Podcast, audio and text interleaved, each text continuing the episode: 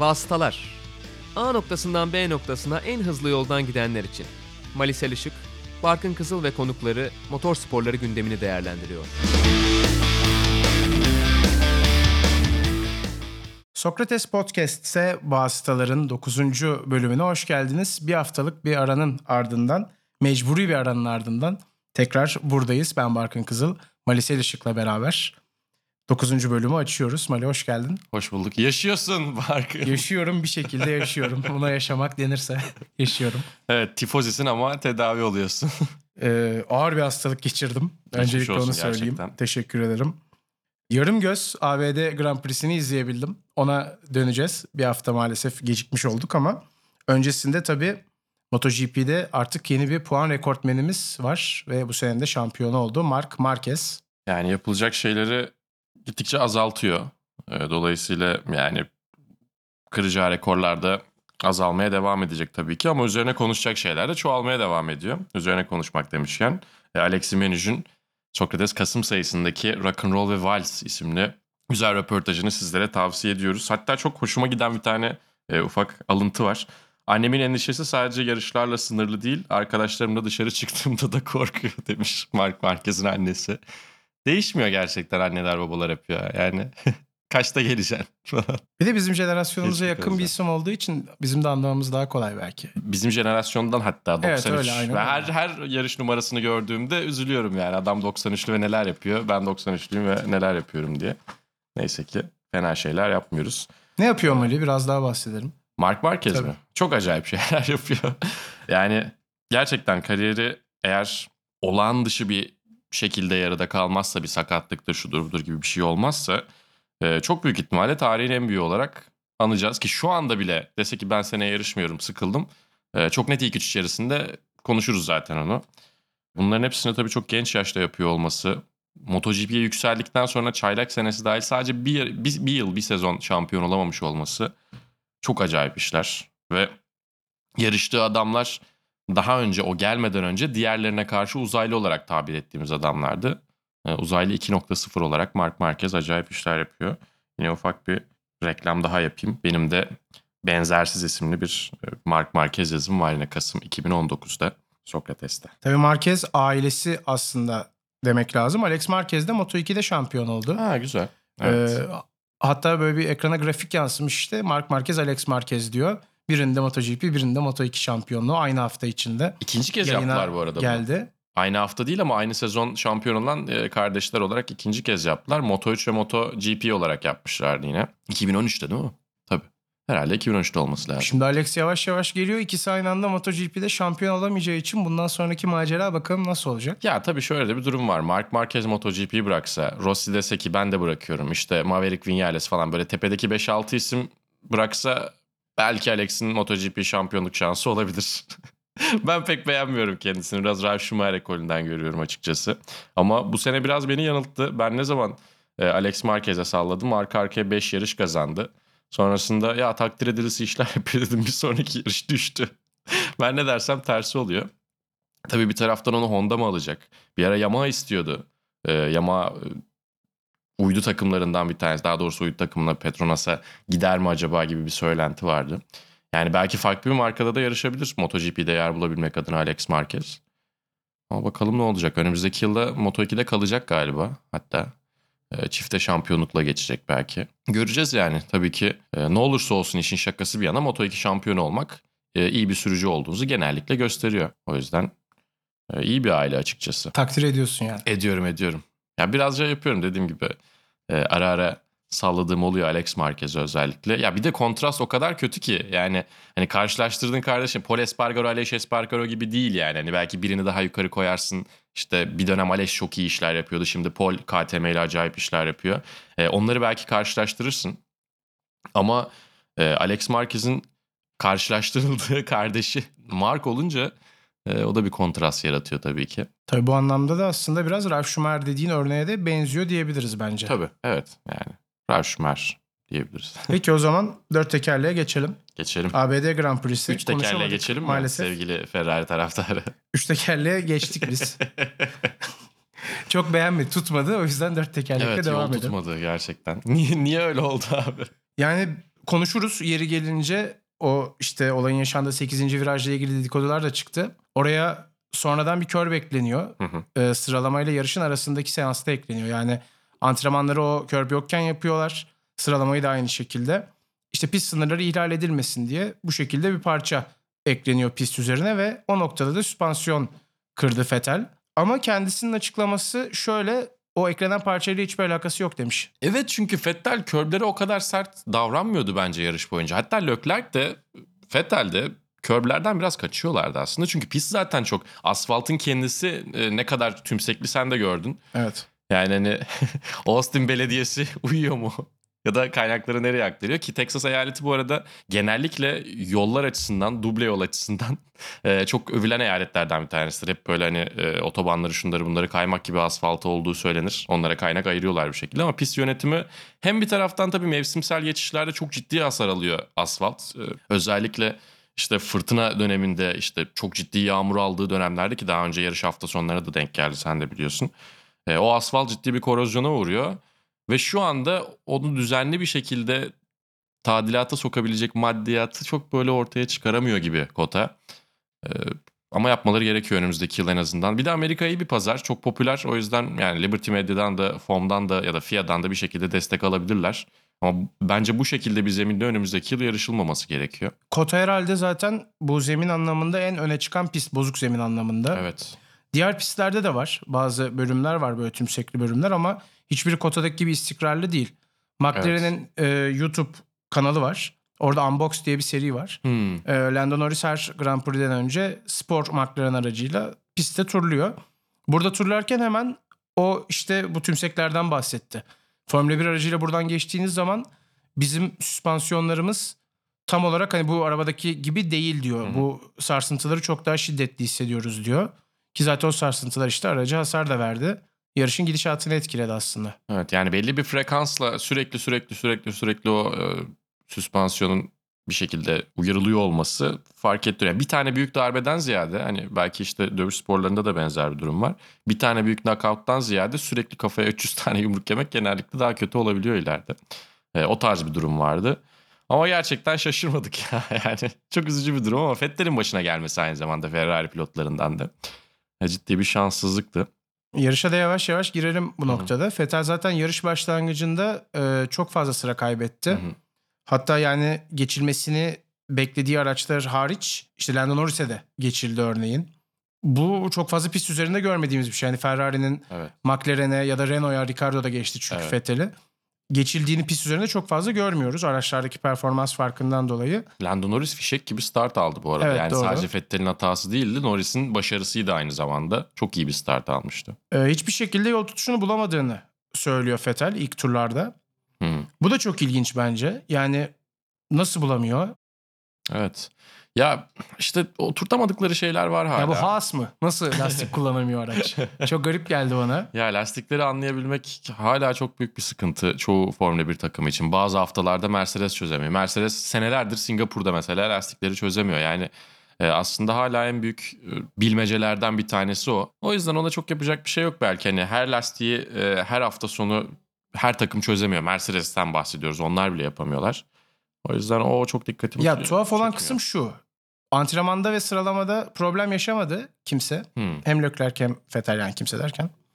Ee, sonrasında Vettel yarışta böyle bir sorun yaşadı. Bu garip geldi bana biraz. İşte yarış temposu. Onlar da onu çözemediler zaten. Evet. Yani yarış temposu simülasyonlarında da dediğin gibi yani çok ciddi bir fark en azından görünmüyordu. Özellikle çok düzlüğü olan bir pist olmasından dolayı Ferrari'nin işine yarayacağını düşünüyorduk Austin'in. Ee, ama olmadı yani. Tabii yarışı Valtteri Bottas kazandı. Evet o da yarışın sonlarında iyi bir iş çıkardı ya. Hamilton'ın o lastiklerle 50 küsür tur gitmesi yine. Ben artık asla radyoda takım tersinde söylediği şeylere inanmıyorum Hamilton'ın. Ben inanmayı Monaco'da bıraktığım için. Ha, Takım şeye mi Hamilton'a mı Evet. Ferrari'ye mi? Yok Hamilton'a. Ha, okey. Yani tersi de söylediklerini. Aha. Ee, Bottas da sonraki yarışlar için takımına bir mesaj gönderdi üstü kapalı. Beni düşün, beni görün minvalinde Evet. konuştu. Ya 2-3 yarış kazanayım ben de. Hani sonuçta Wikipedia'da güzel durur yıllar sonra diyerek. Instagram'da bir anket vardı. Bottas'ın seneye şampiyon olup olamayacağını sormuşlar. Bu soruya nasıl bir cevap verirsin? Ne şampiyonluğu? Nerede? Hangi seride? Yani ben de öyle cevap verdim. PlayStation'da belki. Ol- olabilir. Bir Rıd- Rıdvan Dilmen cevabıyla futbolda mı falan gibi bir şey söyleyebilirim yani. Hani Valtteri Bottas orada şampiyon olsun diye yok. Ama şöyle bir durum var tabii ki. Bottas sağlam bir pilot. Ee, 1999 Ferrari gibi bir durum ortaya çıkarsa Eddie Irvine'lık yapmaz öyle söyleyeyim.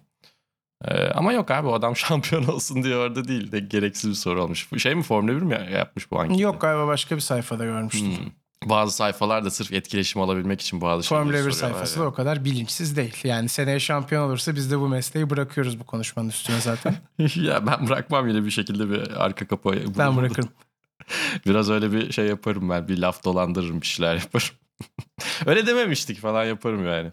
Bazı sayfalar onu diyordum. Instagram'daki bazı işte e, uluslararası İngilizce falan. Bir de İngilizceleri çok iyi olmuyor bazılarının. Şey falan yapıyorlar ya böyle işte. Senna'nın fotoğrafını koyuyor. Sizce Senna iyi bir yarışçı mı? Yorum yazın falan. Ya bu tartışılır bir şey değil ki. Sen etkileşim almak için niye böyle Bir şeyler de böyle yapıyorsun? şey var ya bar var ateş yana doğru çekiyorsun. Ne kadar iyi bir yarışçı. Ha, mesela, Ortalama evet, cevap. Evet abi onlar da garip. Bir, bir onlar bir de şey ma- maket bıçağıyla e, sabun kesenler. O ikileri, ikisine birazcık şeyim gıcığım. Bu konuda doluyum. O zaman Hamilton'dan bahsedelim elbette. Bahsedelim. Şampiyon. Bir kez daha şampiyon Hamilton. Sadece bir şampiyonluk kaldı. Formula 1 tarihinin en çok şampiyon olan sürücüsü olacak. Ortak olacak Mia Evet. Schumacher'e.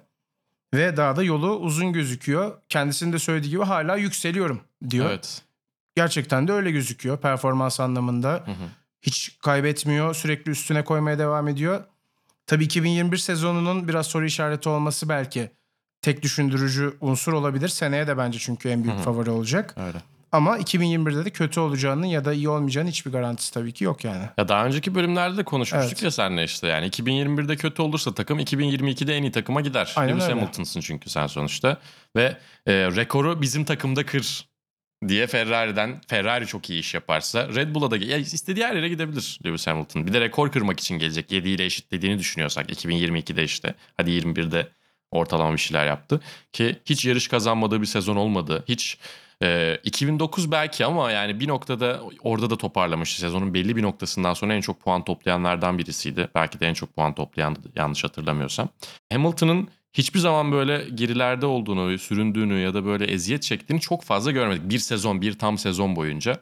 Yani 2021'de kö- ters ayakta başlasalar bile şu anki işçiliğiyle diyeyim yarış içerisindeki e, bir noktada e, o şampiyonluk potasında kendisini bulabilir. Bir de kusursuz rakipleri yok aslında bakarsan. Hep hata yapan isimler şampiyon olabilecek isimler. Yani Leclerc, Doğru. Vettel, Verstappen onlardan bahsediyorsak eğer. E, baskı altında çözülme gibi değil ama e, hata yapmaya müsait isimler. Ve e, Lewis Hamilton bir şekilde yani o hataları daha az yapanlardan biri. Ama tabii bir de ters ayakta görmek lazım. Aslında e, özel hayatında duygusal bir çocuk. E, işte Blessed e, hashtag ile e, dolaşıyor kutsanmış şeklinde. Hatta onu markaya çevirmiş. Ben gördüm Blessed yazılı berelerle Tommy Hilfiger çıkarmış öyle bir şeyler. Değişik bir adam. Buradan da bize sponsor olmak isterlerse Tommy kendilerine Hilfiger mi olabilir? Niye olmasın? Bir, birer, birer tişört göndersinler. Bir de tabii Verstappen'in açıklaması bana ilginç geldi. Ferrari ile ilgili hile yapmayı bıraktıkları zaman böyle oluyor minvalinde bir açıklama yaptı. Çok ilginç bir açıklama bence. Biraz troll, trollük yapıyor o da. Ay yani Ferrari'ye gelme ihtimalini biraz yakan bir açıklama mı sence? Yoksa Yak ya, hemen olmaz. unutulur gider mi? Formula 1 dünyası zaten böyle mi? Formula 1 dünyası zaten öyle ama bir taraftan Ferrari'nin Verstappen'e şu an ihtiyacı var mı emin değilim. Şöyle ihtiyacı var mı emin değilim. Ben de Ee, emin Şa- değilim ama. Leclerc'e çok güveniyorlar ve takım onun üstüne kuracakları için yanına Verstappen'i almayı düşünmezler. Verstappen de Charles Leclerc'in yanına gitmek istemez. Onun da etrafına takım kurulacaktır diye tahmin ediyorum. O yüzden yani Hamilton Mercedes'i bırakana kadar bence Verstappen Red Bull'da takılır gibi geliyor. Ha belli de olmaz tabii ki. O olmaz dediğimiz neler oldu yani. O yüzden çok da emin değilim açıkçası. Ee, ama normal gidişat, standart gidişat bunu gösteriyor. Yani Alonso ne bileyim iki kere Renault'da şampiyon olduktan sonra sezon içerisinde ezeli rakibi McLaren'a gideceğini açıklamıştı 2007'de mesela. Asla olmaz diyeceğimiz şeylerden biriydi. Yakın tarihte çok daha fazla Renault'dan. Ferrari'ye geçişi de bence aynı şekilde Aynen zaten. öyle evet. Sonrasında McLaren'a geri döndü ki 100 milyon dolara mal olmuştu Alonso'nun aslında o. Ee, bakın söylerim ha beni e, şey yapın Hamilton'ın önüne koyun yoksa işte Ferrari'den e, sırları çaldığınızı söylerim falan tarzı olayları. Ha bir şekilde adam teflon bu arada. Teflonzo muhabbeti çok vardı bir ara öyle derlerdi. Hiçbir şey yapışmıyor adamın üzerine diye. Yani son, Formula 1'in son dönemdeki bütün skandalların içerisinde Alonso vardı. Aktif olarak yoktu.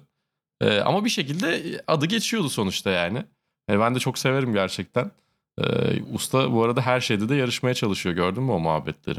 Touring Car serisinde e, Toyota ile test yapacakmış. Evet. Geçen bir Rally Raid'de e, üçüncü olmuş. E, Dakar'da zaten yarışacak derken. Onun da mirası tarihi daha farklı olacak böyle bir. Hani iki kere şampiyon oldu ama başka yerlerde de çok acayip işler yapacak gibi görünüyor. Toyota ile dayanıklılık serisinde yarışması bence onun için iyi oldu. Çünkü Toyota'nın dediğin gibi eli kolu uzun. Hani her tarafta olan bir marka genelde. Ona da bence imkan yaratıyor bu durum. Evet. Ya zaten istese bulur tabii de. Evet. Kolayında oluyor en azından bence. Hı hı, doğru söylüyorsun. Ya Triple Crown'da bakalım nasıl yapacak şimdi. McLaren e, Schmidt Peterson Motorsports'la birleşti. Hatta Schmidt Peterson Arrow Motorsports'la birleşti. E, daha basiretli bir takımla bu sene yani iki, önümüzdeki sene e, Indy 500 yapmaya çalışacak. Bu sene sıralamaları geçememişlerdi biliyorsun. Kendi operasyonlarıyla gelmişlerdi. E, bu sefer belki hakikaten o e, döngüyü de kırabilir. Bahtsızlığını kırabilir. Bir taraftan Alonso e, Toyota ile yarıştı. Onlara da Le Mans 24 saat kazandırdı. Bence Toyota için de çok büyük bir güzellikti bu. Reklamda da bence aynı Tabii, zamanda. tabii. Çok yani kaliteli Formula 1'de bir numara olmuş bir sürücüyü kadrolarına dahil ettiler. O da önemli onlar için. Aynen öyle ciddi bir seyirci, ciddi bir takipçi getirdi. E bir de şey yani şimdi bir taraftan Alonso'nun hem Toyota ile hem McLaren'la e, ciddi anlamda bir yakın ilişki içerisinde olması da güzel. Çünkü iki otomobil markasını aynı anda temsil edebilmek genelde çok kolay değil. Birini bırakman gerekiyor ama e, ortak noktası çok az olduğu için McLaren ve Toyota'nın bence çok güzel bir yürütüyor. Hatta 2021'de McLaren hızlanırsa e, belki gelmeyi düşünebilir Zaten demiş. bir ufak göz kırpmış evet. Mesajı göndermiş. Ya hayır demezler herhalde ama tabii şu anda da o kadar tatlı ve o kadar hızlı iki pilotu var ki McLaren'ın hem çok e, sosyal medyada da paylaşılabilir adamlar hem çok iyi anlaşıyorlar. Ricardo ile Verstappen'in arasındaki o arkadaşlık gibi e, Carlos Sainz ile Lando Norris ikisi de çok iyi işler başarıyorlar aynı zamanda yine. Bilmiyorum yani hani Alonso gelirse 3 takım 3 araçlı takımlar falan gibi bir şeyler yapmaları lazım. Üzülürüm ben açıkçası. Tabii oradan işte mesela Sainz'ın Red Bull'a gitmeyeceğinin de garantisi yok örneğin. Bu şekilde değişimler de Sainz Red olabilir Bull'a bence. gitmez herhalde ya. Verstappen'le birlikte yarıştıkları Bence dönemde... şampiyonluk kovalayan bir takıma eğer McLaren o seviyeye gelmezse gidebilecek kalibrede bir sürücü. Deneyebilirler. Ya olabilir. Gerçi evet işte az önce söylediğim şeyle biraz çelişiyorum şu anda. Formula 1'de o tarz şeyler çok uzun süre hatırlanmıyor ama Carlos Sainz yani baba Carlos Sainz e, biraz gıcık almıştı. Carlos Sainz senior. Carlos Sainz senior. Biraz e, gerçekten şeydi gıcıktı e, Red Bull'a o konularda. O konuda Helmut Marko'ya ben de kırgınım diyordu. Ama ya çözülebilir şeyler. Hala Red Bull sporcusu aynı zamanda Carlos Sainz öyle de düşünmek lazım. Olabilir niye olmasın? Tabii Austin Amerika göz önünde büyük bir pazar ve özel tasarımlar vardı. Kasklardan biraz bahsedelim Amerika'yı kapatmadan önce. Ee, sadece kask değil aslında Ricardo'nun sempatik Texas Longhorns giyimi Evet. aracın üzerinde Evet. yarış öncesinde. Soğuk bir hava vardı belli ki. ne düşünüyorsun? Ya Ricardo'nun Avustralyalılarda böyle bir şey var aslında. Yani o Amerika ve işte onların outback kültürü var. Amerikalıların yine bir kovboy kültürü var. Öyle bir benzer e, nokta var aslında. E, Ricardo sempatik zaten o cosplay tarzı şeyleri seviyor. E, öyle bir Longhorns. Ve kaskı çok iyiymiş bu arada. Yani Reddit'te görmüştüm. E, gerçekten birebir nerede ne yazıyor, neler yapılıyor. İşte e, Amerikan futbolu takımının, kolej Amerikan futbolu takımının kaskının tamamını böyle düzgün bir şekilde yapıp e, kendi yarış kaskına uyarlamıştı. Bence hafta sonunun en iyi kaskı onunkiydi. Kendi kaskı da bu arada sezonun bence en iyi kasklarından bir tanesi. Farklı. Ben çok beğenmiyorum. Ben beğeniyorum. Ya biraz şey çünkü Stop Being Them yazıyor ya üzerinde falan hani e, biraz işte e, o, ya ortaokuldan liseden sonra bunları salmak gerekiyor muydu? Ama Ricardo'yu gördüğün zaman ona çok uyan bir kask ya. Yani işte Stop Being Them yazması. onda çok eğreti dur- durmuyor bence. Başkası yapsa evet katılabilirim. Ya onda bile bence biraz eğreti durmuş. Yani Ricardo daha rahat o konularda gibi düşünüyordum ben biraz. Ama işte Red Bull'dan ayrılmasını kendi içerisinde e, belki biraz manalılaştırmaya da çalışıyor olabilir. O anlamda da olabilir. Longhorns'ta da bu arada Doğuş Valvay da forma giydi biliyorsun Vay. basketbolda.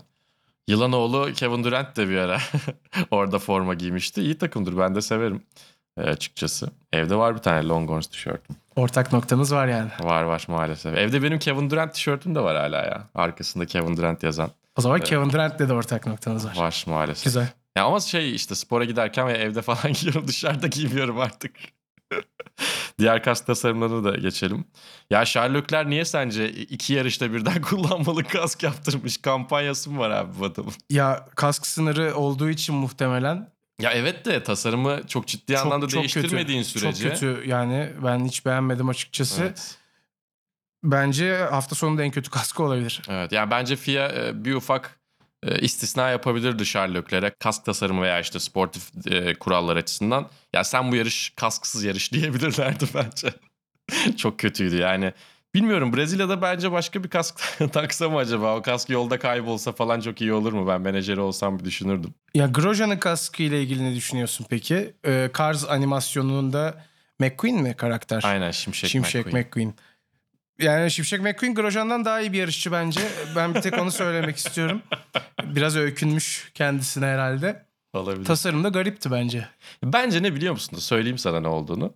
Roman Grosjean artık bir baba biliyorsun. Onun olan Şimşek McQueen'in hastasıdır. Çünkü belli bir yaştaki çocuklar, erkek çocukları Şimşek McQueen'in hastası. Ee, oğullar böyle şeyler seviyor. Hatta babam benim hala belli bir yaştaki erkek çocuğu olduğumu düşünmüş olacak ki e, bizim evde Şimşek McQueen'i su bardağı var abi. Seversin diye aldım diye bir yerde görmüş böyle süpermarketlerden birinde. Sevdim güzel güzel bardak bu arada. Kask çok kötüydü ama e, ya bence o yüzdendir hani o kasklar sonuçta evde toplanıyor. Oğlan oynasın diye öyle bir şey yaptırmış olabilir. Oğlu vardı değil mi bu arada Grosjean'ın bu kadar söyledim ama kızı değildi değil mi? Umarım oğlu vardır yani bu Olsun. kadar anlattıktan O- sonra. Kızı varsa da daha güzel işte böyle böyle e, cinsiyet kodlarını da kırıcıyız. E, önümüzdeki yıl W Series falan ondan da bahsederiz e, Grand Prix olmayan hafta sonlarında. Böyle böyle yavaş yavaş atlatırız böyle şeyleri. Formula 1'i noktalamadan önce biraz da 2021'deki değişikliklerden bahsetmek lazım. Aslında en önemli değişiklik olarak bence e, bu araçların takip sırasında arkaya artık kirli havadan ziyade temiz hava aktarması. Evet. En önemli olay bu gibi gözüküyor. Çünkü e, biliyorsun takip mesafesi kapandıktan sonra o kirli havadan çok fazla etkileniyordu takip eden araç ve bir türlü geçiş yapacak fırsatı bulamadan işte o pis hava yüzünden geçemiyordu. Evet. Ee, zaten bu değişiklik yapılmadan önce de bu hale gelmeden önce de hedeflenen şey geçişi arttırmaktı. Belki bu defa olacak. Bilmiyoruz. Valla şimdilik çözüm açıkçası yer etkisinden geçiyordu zaten. Ama bu yer etkisinin eski dönemlerdeki tarzından ziyade bütün bir aracın tabanının ona göre ayarlanması ve işte yani o etki e, yerle teması kaybettiğinde dengeyi kaybedebilecek yani eski zamanlardaki e, Formula 1'in daha önceki dönemlerindeki yer etkisinin yasaklanma sebebinden daha farklı bir sistem getirilecekti. Onu da yapmış gibi görünüyorlar ve gerçekten bunu verilerle destekleyip bize de yansıtıyorlar. E, Liberty Media ve e, FOM çok iyi çalışıyor bu konuda. FIA aynı zamanda tabii ki çok iyi çalışıyor bu konuda. Ben umutluyum açıkçası. Güzel de Ee, görünüyor araçlar. Evet onu Değil mi? soracaktım. Dış görünüşüyle ilgili ne düşünüyorsun Ben çok diyecektim. beğendim abi. Fütüristik biraz. Evet güzel. Ama çok da abartı değil. Yok. O bence ince bir nokta. Yani Hı hı. çok fazla fütüristik yapacağız diye de nasıl diyeyim oyuncak gibi de olmamış araçlar. Ben o yüzden memnunum. Bazı Instagram tasarımcılarının ekmeğini yememişler yani değil mi? Ya Onları onlara görselleri görmüşsündür. Şu an takımların livery'lerinin giydirildiği görseller Evet, evet. var. e, prototip olan Çok görüntüye. Çok da güzel gözüküyor gerçekten. Evet. Hemen 2021 gelse keşke değil mi? Merak etmiyor musun? Ben ediyorum açıkçası. Sadece merak ettiğin için hemen 2021 gelse diyorsun. Seneye de Çaktırma. Mercedes domine edeceği için. Çaktırmana gerek yoktu.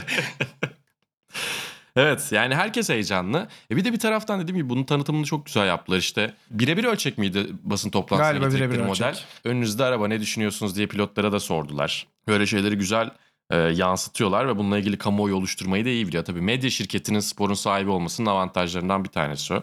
Liberty Media sponsorluk veriyor mu bilmiyorum ama vasıtalar sponsorluk alıyor onu da söyleyelim. Liberty Media'nın sunduğu vasıtalar diyebiliriz bir şey yapsınlar iki bilet göndersinler bize. Yarış hafta sonu formatının da değişmesi söz konusu olabilir. Şu an kesinleşmiş bir şey değil ama Ya onu yapmasalar daha iyi olur gibi. Bilmiyorum. Şampiyon şampiyona dışı yarış yapabilirler. Eskiden Formula 1'de non-championship yarışlar vardı mesela. Belki öyle bir şeyler yapabilirler. Gösteri yarışı tarzında. Ee, işte onun bütçesini nasıl ayarlamak gerekiyor? Bir taraftan bütçe üst limiti koyup, budget cap koyup, işte salary cap koyup e, adı her ne olacaksa. Ekstra bir yarış çıkarmak sıkıntı olabilir? Ama bir hafta sonuna ekstra bir gün ekstra bir yarış daha koymak çok geleneksel bir şeyi kırmak oluyor. Ee, F1'in Evet, öyle de. bir şeye ciddi anlamda ihtiyacı bence yok. Güvenlik sebebi dışında hatta geleneğini o kadar kırmamak gerekiyor diye düşünüyorum. Ee, o yüzden yarış hafta sonlarında bir tane ya bir de Grand Prix zaten. Hani e, Grand Prix'nin bir tane galibi ve tek bir Grand Prix olması gerektiğini düşünüyorum ben. Ama dediğim gibi şampiyona dışı yarışlar yapılabilir bence. Gayet tatlı olur, güzel olur. peki o zaman eklemek istediğim bir şey yoksa Formula 1'den bu kadar diyelim. Yok. Tabii geçtiğimiz hafta sonu bu hafta sonu değil ondan önceki hafta sonu demek lazım. FIA Motorsporları oyunları vardı. Evet. Daha biraz fare doğurdu bence. Garip bir organizasyon oldu. Biz aslında çok umutluyduk. Hı hı. Ee, yani tabii sadece başarı anlamında umutlu değildik. Organizasyonun güzel olacağını düşünmüştük. Evet, çeşitli bir şeyler yapmışlar bu sefer. Geçtiğimiz yılki, bu arada ondan da bahsedelim. Geçtiğimiz yılki GT Uluslar Kupası'nın e, biraz daha genişletilmiş versiyonunu yaptılar. Ül- ülkeler yarışıyorsa farklı disiplinler de ekleyelim dediler. Evet. Keşke eklemeselermiş çünkü GT kupası bile saçma sapan e, görüntülere ve kurallara sahne oldu. Şöyle yağmur yağdı ve yağmur yağınca yarış yönetimi bir anda nedense araçları pit alanına çağırdı. Evet. Lastik değiştirmelerini istemiş yönetim, yarış yönetimi. Ama bazı o kadar araçlar ağır bir yağmur yoktu ki ya. Evet hem öyle hem de bazı araçlar bunu yapmışlar bazıları yapmamışlar. Çok garip. Ayhan Can'la Salih yarışıyor bu arada Evet. onu da söyleyelim. Ee, geçtiğimiz yılın şampiyonlarıydı onlar ve Evet. ilk kez organize edilmişti geçtiğimiz yıl. hı. Dolayısıyla ilk ve tek şampiyon olarak buraya geldiler. Yağmur yağınca bir anda yarış bizim için tepe taklak oldu. Ya bir de şöyle bir şey vardı. Önce kırmızı bayrak bittikten sonra yarış başlıyorken kırmızı bayrak içerisinde geçilen sürenin yarış süresinden eksildiğini söylediler.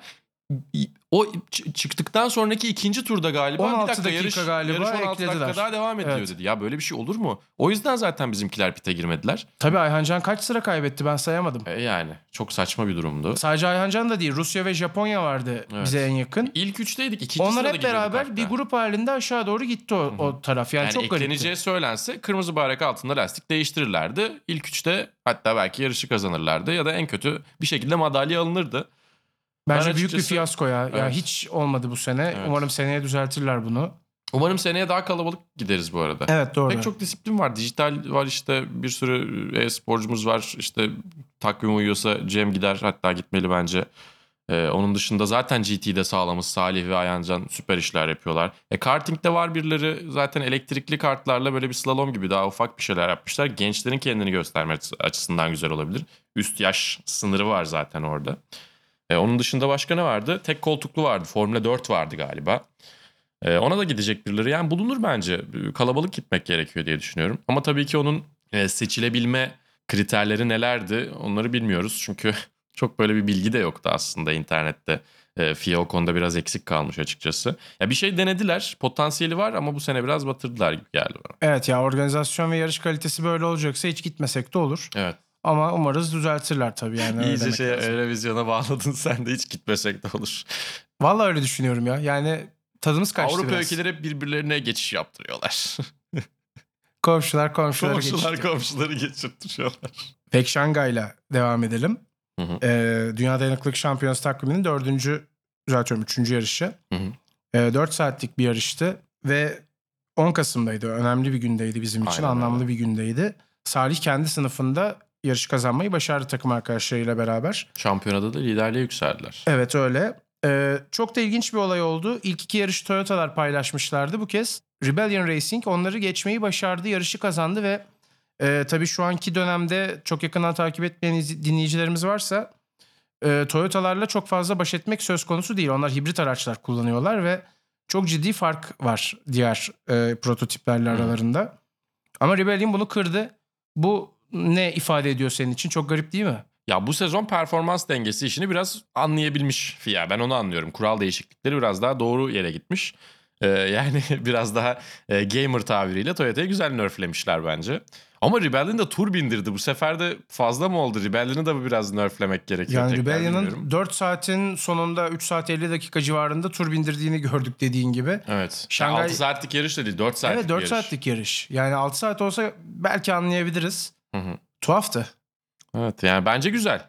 Çünkü Toyota da bunu istemiyordur. Tek başına işte yani insanların izlemesi gerekiyor. E, LMP1 sınıfındaki mücadeleye biz hiçbir zaman bakmıyorduk. Toyota tek kaldıktan sonra Aynen nasıl öyle. olsa Toyota'lar e, vurup geçiyorlar diye. E, şimdi biraz işin içerisinde daha hak edilecek bir galibiyet var ya ortada. Yani Toyota da bu konudan şikayetçi değildir diye düşünüyorum. E, Zaten ondan, ondan sonraki sene e, hiper otomobiller geliyor. Çehre tamamen değişecek. Daha keyifli hale gelecek. Farklı markalar gelecekler. Geçiş sezonunu daha heyecanlı hale getiriyorlar yani. Bence güzel oldu. Sırada Rallycross var. Ay ay ay. Mikrofondaydın. Rallycross senden dinlemek lazım. İsveç'te Hansen ailesinin yine mutlu sona gittiği bir yarış oldu ama çok kolay olmadı herhalde. ne böyle şey gibi. Ana haber şeysi gibi. Ama Hansen İsveçli ailesi Hansen ailesinin biliyorsun mutlu günü. Rallycross'un nasıl diyeyim Efsane ismi. Evet. Yani Efsane soyadı. doğru. büyük ailelerinden bir tanesi. Dedelerinden Tabii, babalarına kadar sonra oğullara kadar işte. Aynen öyle. Joker turunu Dede Hansen bulmuş bildiğin gibi. Evet. Baba Kenneth Hansen 14 kez Avrupa Rallycross şampiyonu. Ki o zamanlar zaten Avrupa Rallycross şampiyonasıydı. En baba şampiyonu. Dünya şampiyonası diye bir şey yoktu. 2013'te geldi o. Ee, anne Suzan Hansen kendi sınıfında birkaç kez Avrupa şampiyonu olmuş isimlerden bir tanesi. Ve oğlanlar çok iyi gidiyor. Ee, Kevin'ın son final yarışına kadar şampiyonluk şansı vardı. Bir de yani inanılmaz bir final oldu. Ben öyle bir şey beklemiyordum. Acayip bir final yarışı oldu. Ee, Andreas Bakerud 2 puan gerideydi. Yarışı kazanması gerekiyordu. Timmy'nin de 3. bitirmesi gerekiyordu galiba puan hesabı yaparsak. Ee, yarışa ya- yani final yarışında liderliği aldı. Ondan sonra ilk yani ilk tur içerisinde bir U viraj var. Joker turunun içerisinden geçen kısım. Dış kısım Jo- Joker turu olarak atılıyor. Ee, orada dışarıya taştı biraz. E, Rallycross da bir temas sporu ve genellikle çok aleni bir şey yapılmıyorsa ceza verilmez. O Temiz yüzden- yarışılmıyor zaten. Aynen. Yani. Temaslarla yarışılıyor. Hı hı. Timmy Hansen de içeriye doğru şöyle bir daldı. Ya bunlar temas etti. Önce Bakeru duvara vurdu. Oradan sekti Timmy'ye vurdu. O bir kendi etrafında döndü. Kevin bir tarafa doğru gitti. Toz toprak falan böyle. Yani ben herhalde şimdiye kadar en çok bağırdığım yarışlardan Cool bir tanesini tavrını anlattım. bozdurdular Ya yani cool sana. tavrım yok aslında benim de yani o kadar en azından ne olduğunu görüp böyle bir analiz edip cümle kurabildiğim bir anlatım tarzım var. Ne söylediğimi çok fazla hatırlamıyorum. Yani sesimin perdesinin çok yükseldiği olmuyor daha doğrusu öyle söyleyeyim. Ee, çok acayip bir finaldi. Eşit puanda bitirdiler. Sonra Tim Hansen yarışa döndü. Önünde e, Timo Scheider farklı bir sebepten dolayı yarış dışı kaldığı için dördüncülüğe yükseldi. Ee, dolayısıyla Niklas Kronholm, Markus Kronholm'in 2000, 2002 VRC şampiyonunun oğlu o da Niklas Kronholm. Çok iyi bir adam. Ee, gerçekten çok iyi bir pilot. O da iki yarışta yarışamadığı için şampiyonluk potasında Potasına yoktu. giremedi. E, apandisit ameliyatı yüzünden çok da saçma aslına bakarsan yani hani tat kaçıran bir sebepten yoktu. E, o yarışı kazandı. Bakerud ikinciydi. E, Timi de dördüncü olup şampiyonluğu kazandı. Yarış galibiyeti fazlasıyla 211'er puanda bitirdi ikisi de. E, çok acayipti. Kendras Bakerud'u hep neşeli görürüz. Ne olursa olsun güler. E, bu hafta sonu da böyle kaynakçı gözlü gibi kocaman böyle bir gözlük takmış Erman Toroğlu tarzı. Volkan Demirel'in güneş kalkanı o, da, o diyorsun. da olabilir. Aynen öyle. Andreas Bakerud'un güneş kalkanı. Acayip sinirliydi. Ee, Ben hiçbir zaman o kadar e, tatsız ve negatif görmemiştim ama tabii ki o da dünya şampiyonluğunu arıyordu. Timi kadar uzun süredir çaba sarf ediyor tabii. Çok acayip bir finaldi. Mutlaka izlemenizi tavsiye ediyoruz. Esport'ta tekrarına denk gelebilirsiniz. Yine aynı şekilde e, Rallycross'ta kendi hesaplarından paylaştı. Bence kaçırmayın. İzlemenizi tavsiye ettiğimiz bir öneri daha var. Sonrasında kapatacağız. Hmm. Ford vs Ferrari filmi. Çok güzel, çok heyecanlıyım ben açıkçası. Bu cuma vizyona giriyor. Ve vizyona giriş tarihiyle, işte fragmanlarıyla, oyuncu kadrosuyla, aynı zamanda yönetmeniyle baktığınızda Oscar'a da göz kırpıyor. En azından birkaç adaylık istiyorlar gibi. Ya çok kaliteli motorsporları hikayeleri vardı. Çok uzun zamandır var. Ama bunlar hiçbir zaman güzel filmlere çevrilmiyordu ya da yapılmıyordu. Çok uzun zamandır e, arada bir boşluk vardı belki de öyle söyleyeyim. İşte 66'da Grand Prix vardı. 71'de olması lazım. Le Mans vardı. Arası boşluk. Arada Driven diye korkunç bir şey vardı. Sen de biliyorsun. Ee, sonrasında Senna belgeseli. Ardından Rush geldi. Sonra çok güzel belgeseller geldi işte. Sevgili Cem Pek doğruyu da yayın öncesinde konuştuk. Sezon ortasında daha doğrusu boş sezondaki e, bölümlerde konuşuruz mutlaka. Hani motorsporları sineması üzerine. E, çok güzel belgeseller var derken güzel feature filmler de gelmeye başladı. Ee, Ben çok heyecanlıyım açıkçası. Matt Damon, Chris, Chris Mill yine kilo vermiş rolü için. o şey yapıyor galiba ya. Yılın şu dönemlerinde işte kilo alacağım bana böyle roller ver. Olabilir.